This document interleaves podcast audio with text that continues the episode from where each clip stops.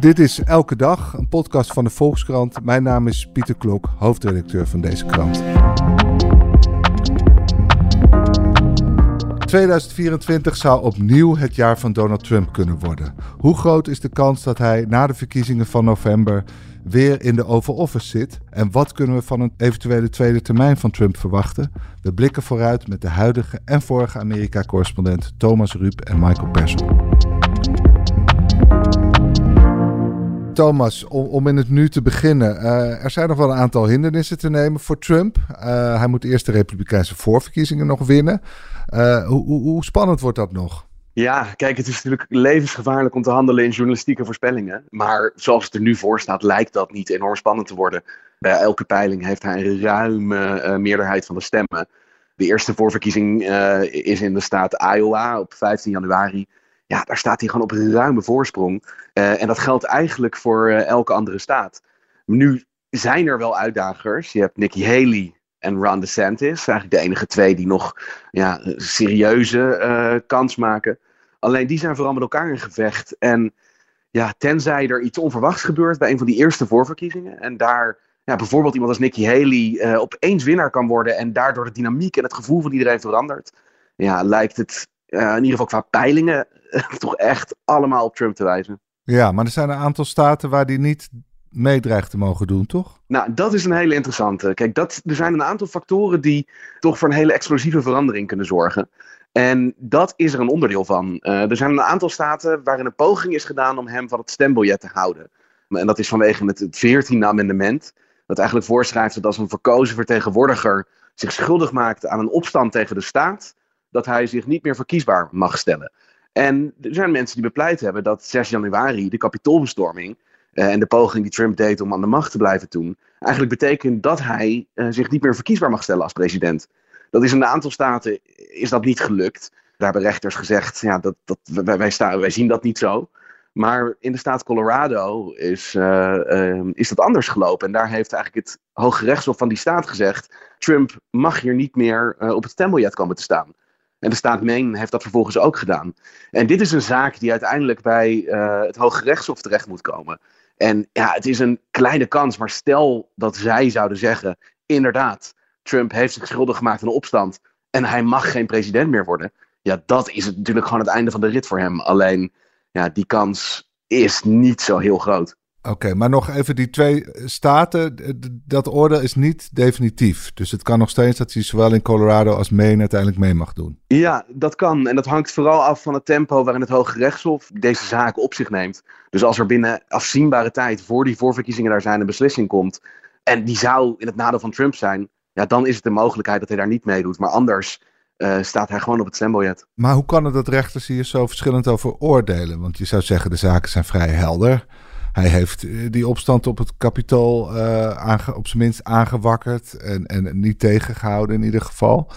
Uh, hoe kan het dat rechters in de ene staat oordelen dat het inderdaad onder het 14e amendement valt en in andere staten niet? Ja, er zitten verschillende redenen achter. Het interessante is wel, wat jij ook zegt, is eigenlijk is best wel een unaniem oordeel. Ook in Colorado waren niet alle rechters het met elkaar eens. Dus een meerderheid vond dat hij niet op het stembiljet kon, uh, maar een, een, minderheid die vond dat dat eigenlijk wel had gemoeten. Maar eigenlijk zijn ze het wel met elkaar eens dat Trump zich schuldig gemaakt heeft aan een opstand.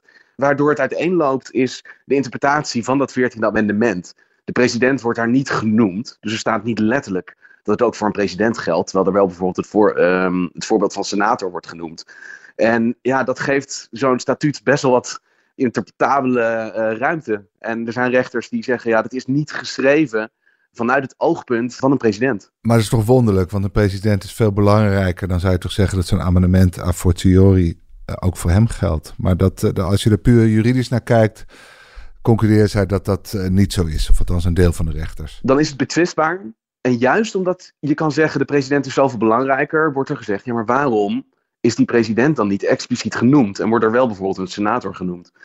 Maar het is ook goed mogelijk ja, dat er zeg, op allerlei procedurele gronden het niet toepasbaar wordt geacht. En Trump heeft nog een andere verdediging hier. Hij zegt, er is ook een impeachment tegen mij geweest vanwege dit feit. Dus een, een afzettingsprocedure in de politiek. En de Senaat heeft hem vrijgesproken. En hij bepleit bijvoorbeeld ook dat dat eigenlijk betekent dat hij al terecht gestaan heeft hiervoor uh, en onschuldig verklaard is. En er zijn allerlei manieren nog om te tornen aan dit uh, statuut. Uh, zonder, ja, het, het, is gewoon niet zo zwart-wit. Nee, maar de redenering is dus, als ze die president hiermee hadden bedoeld, dan hadden de Founding Fathers dat wel in het amendement opgenomen. Het waren niet de Founding Fathers, maar dat is een amendement van na de burgeroorlog dat, okay. dat ze hier hebben gebruikt. Maar het is, wat, wat wel zo is, is dat de grondwet en alle amendementen daarop, dat het ook uh, dat het vaak ja, toch een beetje, uh, ja, ik wil niet zeggen fotjes zijn. Er wordt heel heilig uh, geloof aan gehecht natuurlijk, zoals de Bijbel -hmm. in Amerika. het is een, echt een, een, heilige schrift, maar uiteindelijk zijn het mensen die dat in elkaar... Ge... Op een achternamiddag, even snel deze... Een achternamiddag in elkaar, in elkaar gezet hebben. En, en daar zitten gewoon fouten en lacunes in. Ook al zou je zeggen, de geest van de wet impliceert dat ook de president hieronder valt, onder dit mm statuut. Maar als je letterlijk gaat kijken, hij wordt niet genoemd, ja, dan kan je dus over steggelen. En dan kan je in die ruimte voor interpretatie, kan je dus afhankelijk van wat je wil dat eruit komt, kan je die uh, jouw goede kant op laten Ja, maar Thomas, als je in de geest van de wet zou handelen, dan zou je toch uh, kunnen verwachten dat het Supreme Court uh, ja, hier, hier toch echt wel heel serieus naar kijkt. En misschien in het nadeel van Trump besluit, of is dat ondertussen zo'n politiek orgaan waar alleen nog maar telt uh, tot welke politieke kleur je behoort. Nou ja, kijk, de Supreme Court lijkt op dit moment heel erg te aarzelen. Uh, want er zijn meerdere uh, zaken eigenlijk waarop zij centraal komen te staan in de presidentsverkiezingen. En ze lijken behoorlijk huiverig om daar een, een, grote rol in te nemen. Dus ja, het, het is best mogelijk dat zij een manier zullen vinden om niet een oordeel te vellen over 6 januari, want dat ligt er natuurlijk ook onder. Kijk, de Supreme Court kan natuurlijk straks zeggen, dit was geen opstand en daarom mag hij op het stembiljet. Nou ja, dat zou natuurlijk een gigantische overwinning voor Trump zijn. En dat zou natuurlijk de basis onder ook de vervolging die hij daarvoor um, uh, ondervindt uh, weg te slaan. Maar er zijn ook wel procedurele routes die veel ingewikkelder zijn, waarop zij zullen kunnen zeggen van, nou ja, kijk, uh, wij zien met wat wij op 6 januari hebben gezien geen reden om te denken dat het 14e abonnement precies toepasbaar is. Het is wat Michael zegt, het zijn hele sumiere teksten die eigenlijk ook wel iets bijbels hebben met de, de rechters als een soort priesters die, die, die ja, zullen interpreteren en vervolgens hun interpretatie uh, leidend maken. En er zit hier uh, enorm veel licht tussen de kieren. En het is nog steeds zo dat een overgrote meerderheid van het Supreme Court uh, conservatief is natuurlijk. Dus in principe op de hand van Trump. Absoluut, ja. Hey, bij, toen we eerdere rechtszaken bespraken, uh, uh, nou, beschreef je hoe dat eigenlijk vooral in Trumps voordeel werkte. Hij kreeg pas echt goed de wind in de zeilen toen die eerste rechtszaak tegen hem werd aangespannen. Geldt het ook voor deze rechtszaak, dat hij, dat hij ervan profiteert vooral? Nou ja, tot nu toe is het elke vervolging geweest die hem eigenlijk letterlijk omhoog stuwde in de peilingen.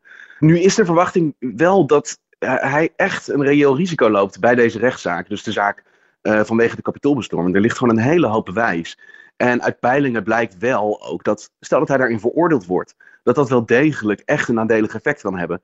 Daarnaast duurt zo'n zaak maanden wordt er natuurlijk uitgebreid verslag van gedaan. En ja, is ook bijvoorbeeld een zender als Fox News zal er niet omheen kunnen door wel te beschrijven wat daarin gebeurt. En dat levert toch ook een hele hoop informatie op die kiezers ja, mogelijk wel aan het twijfelen kan brengen. Alleen het is, een, het is zeer de vraag of deze zaak uh, daadwerkelijk op tijd afgerond is. Uh, hij zou op 4 maart moeten beginnen. Maar, en nu komen we weer uh, eigenlijk bij het Hoge Rechtshof terecht. Trump beroept zich op immuniteit. Hij zegt: ik was president toen dit gebeurde. En ja, een president zou immuniteit genieten. Die kan niet vervolgd worden voor wat hij doet in, in de functie en namens de functie van het presidentschap. En die claim is door de eerste rechter al afgewezen. En die is nu een beroepsprocedure ingegaan. En vlak voor de kerst leek aanklager Jack Smith, dus die deze zaak leidt, uh, ja, een, soort geniale zet te zetten door de Supreme Court meteen te vragen hier een oordeel over te vellen. Dus dat hele proces van hoger beroep uh, te elimineren, waardoor er heel snel eigenlijk duidelijkheid zou moeten kunnen komen over de belangrijkste vraag, namelijk kan Trump überhaupt vervolgd worden? En het Hoge Rechtshof heeft dat verzoek afgewezen. Zij zeggen, ja, wij gaan hier niet uh, met haast ons over buigen. En dat kan in theorie betekenen dat er pas ja, uh, mogelijk in juni een oordeel hier ligt. En dat betekent dat die zaak voor juni niet kan beginnen nou ja, na juni heb je de, de, de conventies, dan wordt de kandidaat formeel gekozen. Daarna moet de campagne beginnen. Dus dit is ook waar Trump op inzet. Namelijk zelfs als die, die claim van hem eigenlijk geen kans maakt, vertragen, vertragen, vertragen. In de hoop dat hij president wordt en verkozen wordt.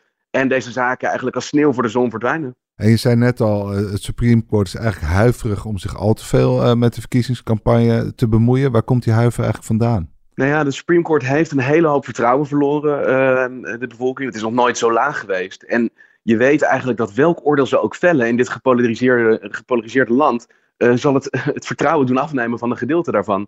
Als zijn het voordeel van Trump ja, een, grote, belangrijke uitspraak doen, ja, dan verliezen ze vertrouwen aan de linkerkant van het spectrum. Doen ze dat tegen Trump, dan is eigenlijk de andere helft van de bevolking die ziet hen als een politiek orgaan. En de Supreme Court wil, of probeert, hoopt, zou uh, niet als politiek gezien uh, moeten worden. En ja, dat is natuurlijk bijna, of eigenlijk per definitie onmogelijk. Uh, wanneer ze wordt gevraagd om letterlijk in presidentsverkiezingen in te grijpen. Nou, je zei net al, medio januari zijn de eerste voorverkiezingen. Dus de campagne is al begonnen, of die is eigenlijk vorig jaar al begonnen. hoe, hoe stelt Trump zich op tot nu toe? Hij is uh, redelijk mild uh, voor zijn doen. Het interessante is, het zijn voorverkiezingen. Alleen Trump voert eigenlijk geen campagne voor de voorverkiezingen.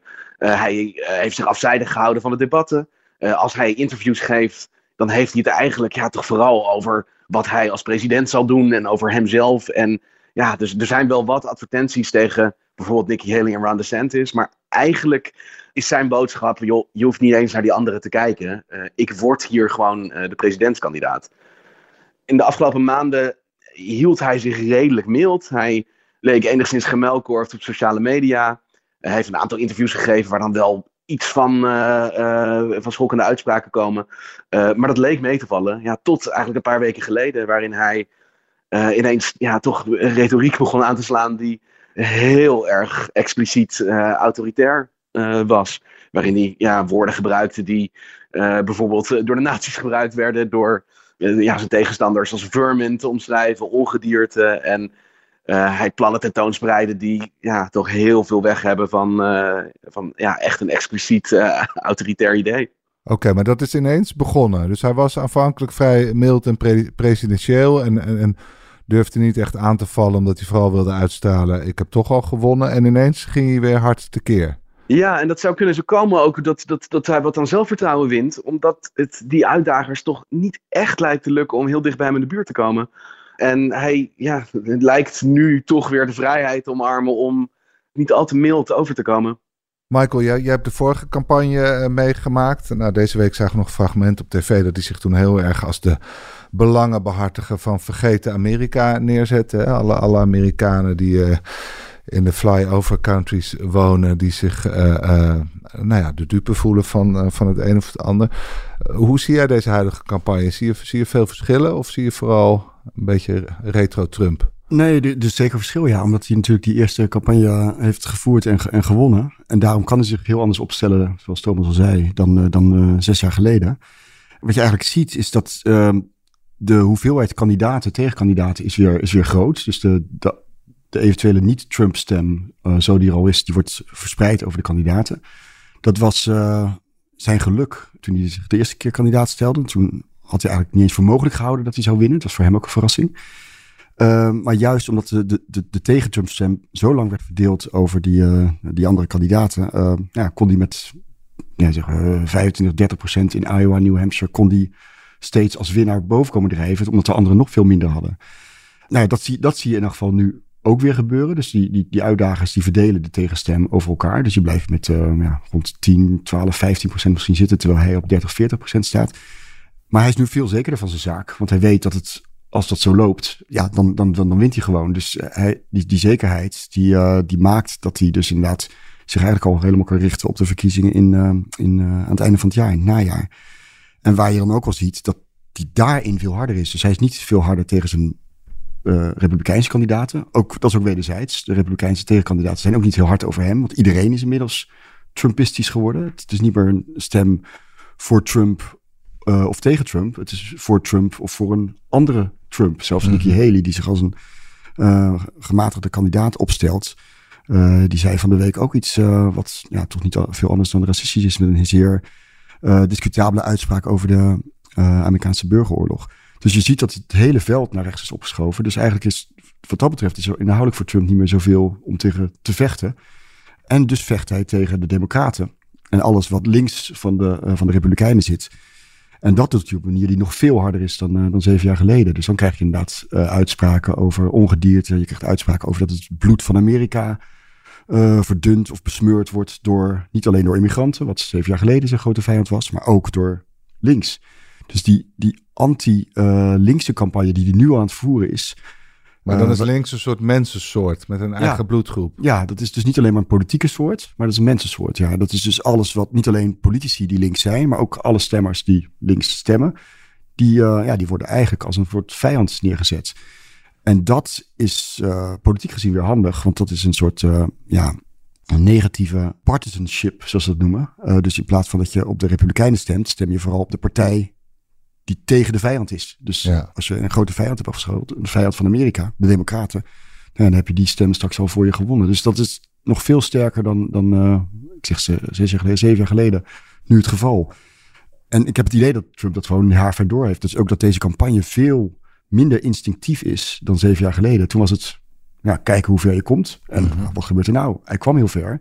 En elke stap die hij zette, eh, voor verkiezingen, conventie, er was nog steeds weerstand op de conventie, tot en met de verkiezingen zelf in het najaar, was er ook een soort verbazing in die Trump-campagne van, hé, hey, kijk nou, het, het werkt wat we doen. Wat niet wegneemt dat het een zeer, zeer slim en uitgekookte campagne was, maar dat het zou werken, dat was ongelooflijk. En nu hebben ze bijvoorbeeld het idee van, ja, dit moeten we kunnen winnen. Ze ja. Eigenlijk uh, is, is Biden straks underdog. Uh, en alles wijst ook op dat ze, nou, dat de kaarten in een voordeel zijn. Maar het wordt dus een haatcampagne. Hoeft, hij heeft nog geen uh, be concrete beleidsvoorstellen nou ja, bekendgemaakt. Dat, dat zie je ook wel, ja. Dus het is meer... Zeven jaar geleden was er inderdaad een inhoudelijke campagne. Trump had echt inhoudelijke ideeën. Er was een, um, een programma dat hij had. En dat kwam op voor de Forgotten Men and Women van het Middenwesten. Die, die waren er. Er waren verwaarloosde grote delen van de bevolking die verwaarloosd waren.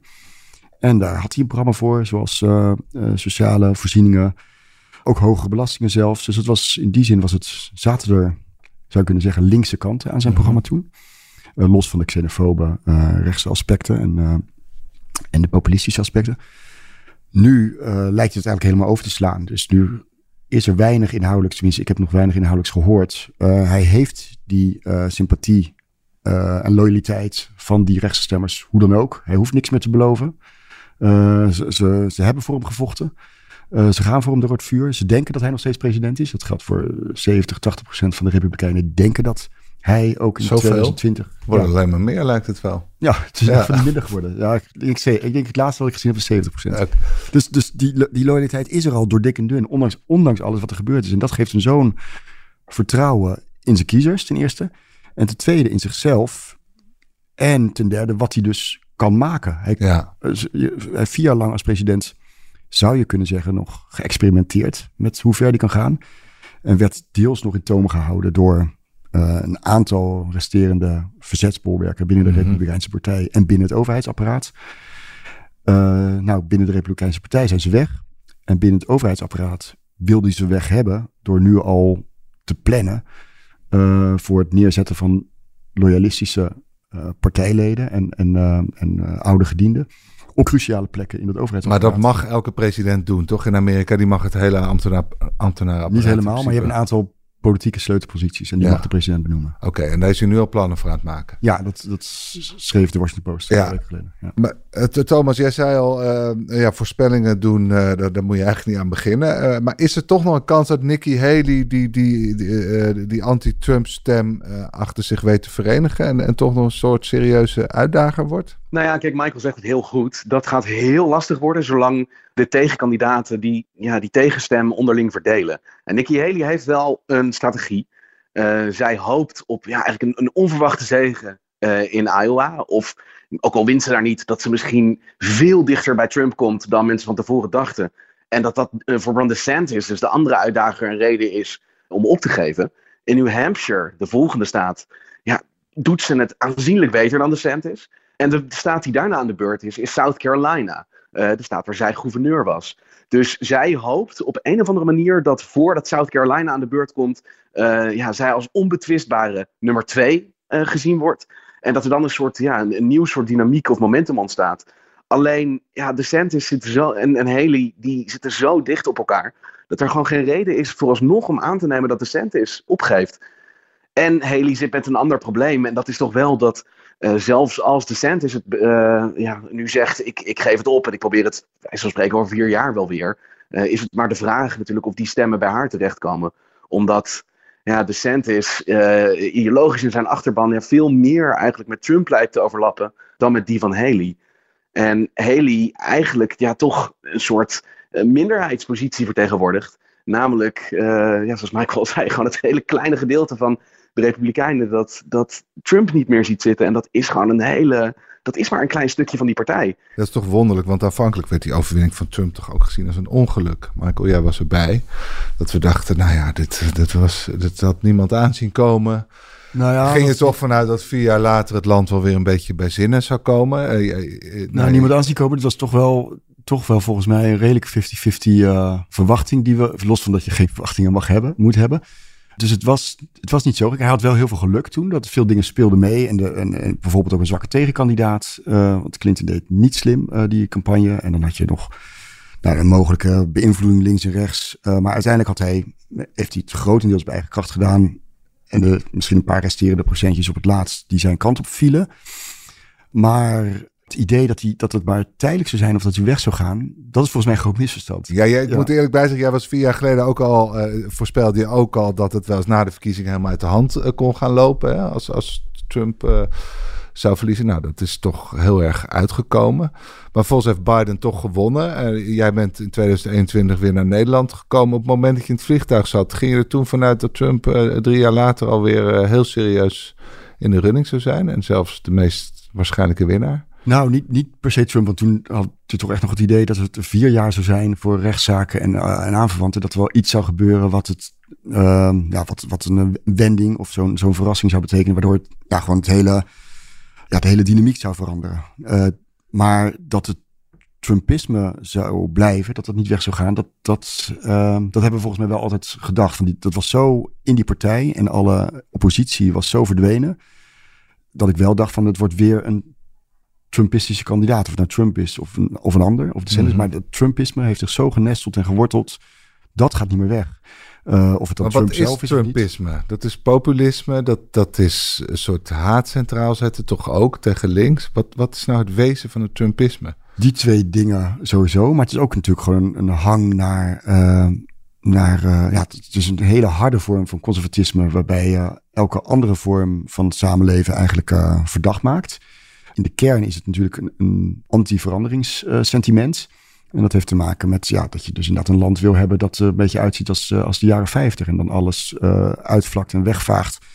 Wat het toen niet zo goed aan was. Dus het wordt heel erg geïdealiseerd natuurlijk. En dat ja, het is een soort traditionalisme. Dat gek genoeg wordt vertegenwoordigd door hele ontraditionele politici. Met Trump als grote voorman natuurlijk. Dus dat, dat, die paradox die, is, die, die blijft natuurlijk blijft bijzonder. En het is er niet zo dat de nieuwe Trumpisten al dat helemaal hebben kunnen nadoen. Want ook zo'n is die dus heel hard, hard geprobeerd heeft de nieuwe Trump te worden. Ja, dat, het lukt hem niet. Het blijft uh, niks vergeleken met uh, the real thing. En dat, dat, is, dat is uiteindelijk ook een stijl natuurlijk van totale lompheid eigenlijk. Uh, veronachtzaming van, van tradities, gek genoeg van tradities ook. Instituties, ja. gewoonten beleefdheidsvormen, de waarheid en dus een heel groot deel van het land. Wat, wat, uh, ja, dus een heel een, conservatieve agenda gecombineerd met een soort lompheid en schaamteloosheid. Dat, dat blijkt een woest aantrekkelijke combinatie in het huidige Ja, en dat, dat is natuurlijk ook, eh, ik bedoel, de, de, dat, het is niet gek dat, dat dat zou gaan gebeuren in Amerika. Wat, wat, het is natuurlijk jarenlang is, is er vrij krampachtig uh, bewogen naar een een soort van ideale samenleving. En dat, heeft te maken met solidariteit en uh, toch meer gerechtigheid, gelijkheid. Maar in dat proces, uh, ja, was ook bijvoorbeeld politieke correctheid, wat natuurlijk maar iets, iets, iets kleins was. Het gaat over woorden en spraak. Maar het idee dat je bepaalde dingen niet meer mocht zeggen, bepaalde dingen niet meer mocht denken. En dat werd vrij hard gehandhaafd, op, zeker bijvoorbeeld op universiteiten of op andere plekken. Dat inderdaad mensen het gevoel hadden van, goh, ik, ik, ik tel niet meer mee wat ik zeg en denk dat dat, dat mag niet meer. Dus die reactie daarop, dat moet je niet onderschatten. Die politieke correctheid, wat eigenlijk maar iets kleins is. Maar, gewoon het gevoel van er zijn mensen die ons continu de les lezen en ik mag niet meer zeggen wat er op mijn hart ligt. Ja, dat, en dat, dat, was het, dat is natuurlijk maar een, op zich ook een, een klein uh, deel van de bevolking die, die echt zo uh, scherp daarop is en met een vlaggetje omhoog staat dit mag niet. Uh, maar dat, dat, dat gevoel werd daardoor wel. Uh... En dan heb je een heel schaamteloze kandidaat nodig om, om aan dat gevoel te appelleren, die zich nergens iets van aantrekt. Thomas, jij woont in, uh, in New York, wat nog steeds een, een linksbolwerk is, denk ik, hè? in Amerika, of in ieder geval een democratisch bolwerk. Is daar al angst voor dat, dat Trump opnieuw aan de macht komt en wat dat mogelijk gaat betekenen? Ja, die, die uh, angst is er zeker. Uh, kijk, de peilingen die wijzen op dit moment gewoon naar, absoluut naar een, een voorsprong van Trump. En dat is niet omdat Trump ongelooflijk veel populairder geworden is dan hij de vorige keer is. Zelfs volgens de meeste peilingen is hij zelfs iets minder populair. Maar de, de Democraten kampen gewoon met een gigantisch Biden-probleem.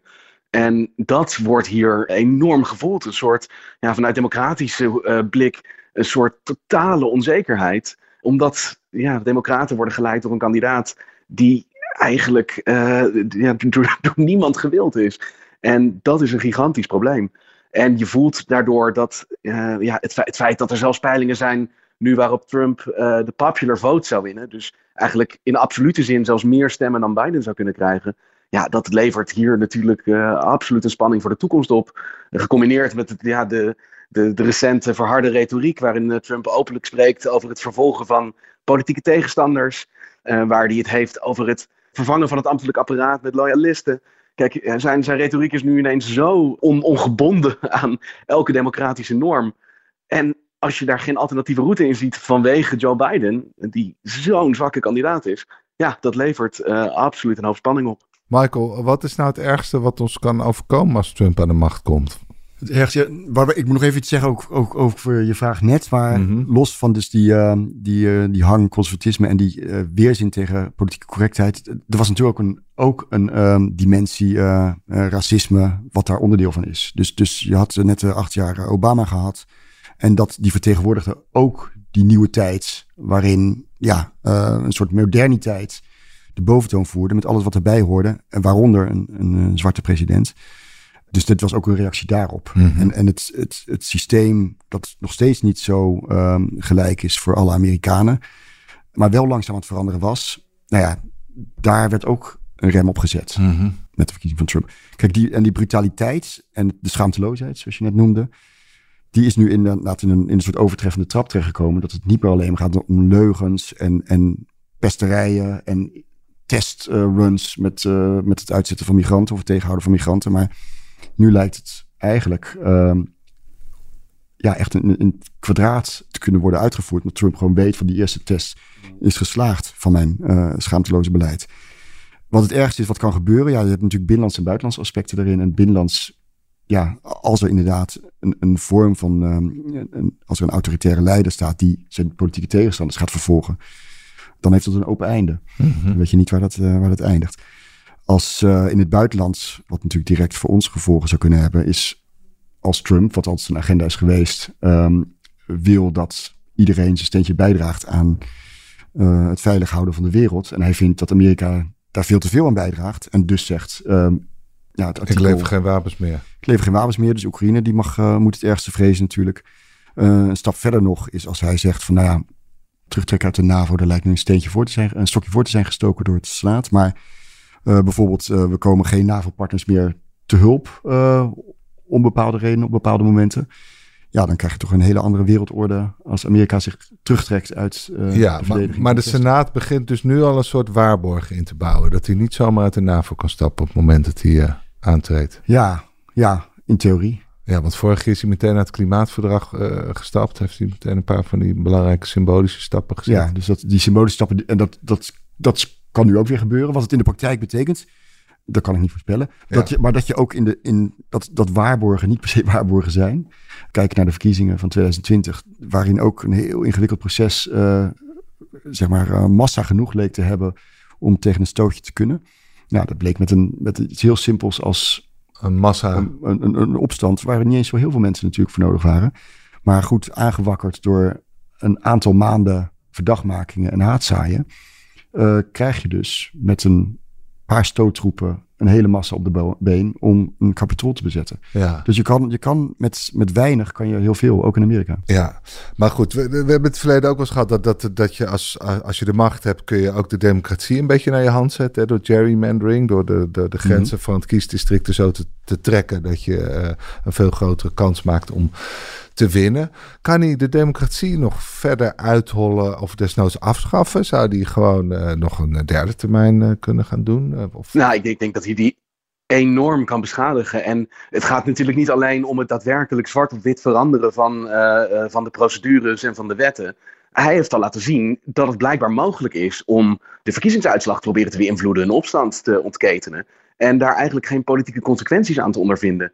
En het feit dat de politiek niet bereid is om afstand te nemen van zo iemand of het handelen van zo iemand, dat beschadigt de democratie al. Uh, vervolgens wordt hij vervolgd en is de helft van de politiek bereid om het hele rechtsapparaat te beschuldigen van uh, politieke vooringenomenheid. Weet je, dit zijn allerlei processen die, die een erosie uh, al in gang hebben gezet, die alleen maar doorgaat. En als vervolgens een president is die zich totaal ongeremd voelt door, nou ja, bijvoorbeeld de wet, of internationale verdragen, of eigenlijk de, de, de ongeschreven normen van wat een zuivere democratie is, ja, dat, dat zet een verval in gang. Waar je van kan afvragen of dat, uh, of dat te stoppen is. Ook omdat dat natuurlijk weer een invloed heeft op kiezers. En je creëert daarmee een dynamiek waarin ja, eigenlijk hier in de samenleving, en die voel ik hier al, zoveel verteerbaar is geworden voor democratische kiezers.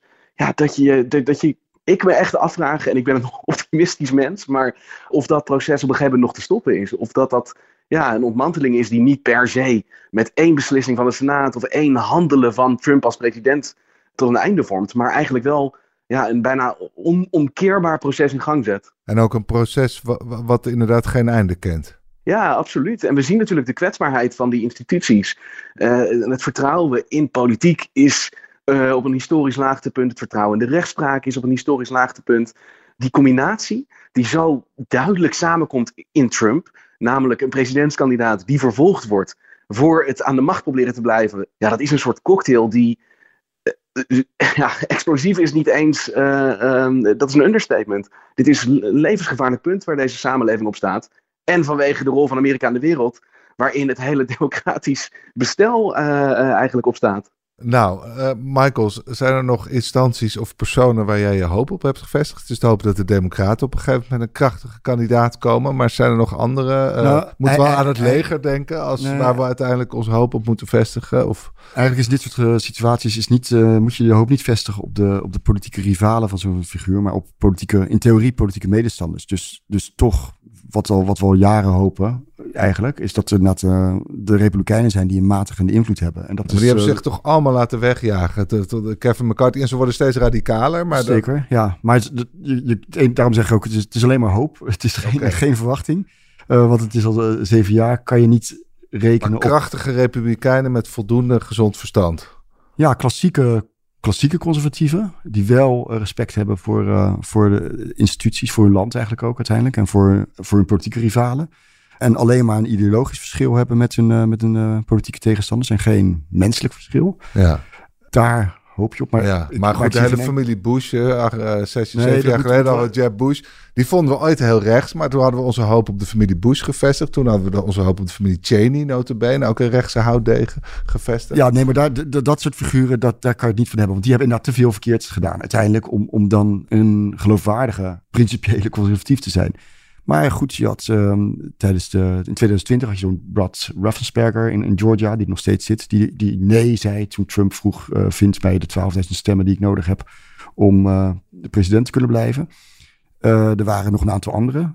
de meeste van hen zijn vertrokken uit het politieke ambt. er zijn een aantal natuurlijk in de Kamer die, of in het congres, die voor zijn impeachment hebben gestemd. Het zijn er niet veel. Maar ze zijn er wel. en, mhm. en, ze, en, ze zijn er nog steeds. Alleen niet zo uh, zichtbaar. meer. Uh, dus daar, daar zou de hoop op, uh, op gericht moeten zijn. Op iemand die dat gevoel... Of ja, dat eigenlijk, eigenlijk de, de geest weer in de fles krijgt. Oké. Mag ik jullie allebei heel hartelijk danken. Graag gedaan. En u luisteraar, dank voor het luisteren naar de Volksstand Elke Dag. Deze aflevering werd gemaakt door Lotte Grimbergen, Julia van Alem en Rinky Bartels. Wilt u de Volkskrant steunen? Dat kan, vooral door een abonnement te nemen. En dat kan u voordelig via volkskrant.nl slash podcastactie. Want deze podcast is gratis, maar onze journalistiek is dat niet. Morgen zijn we weer. Tot dan.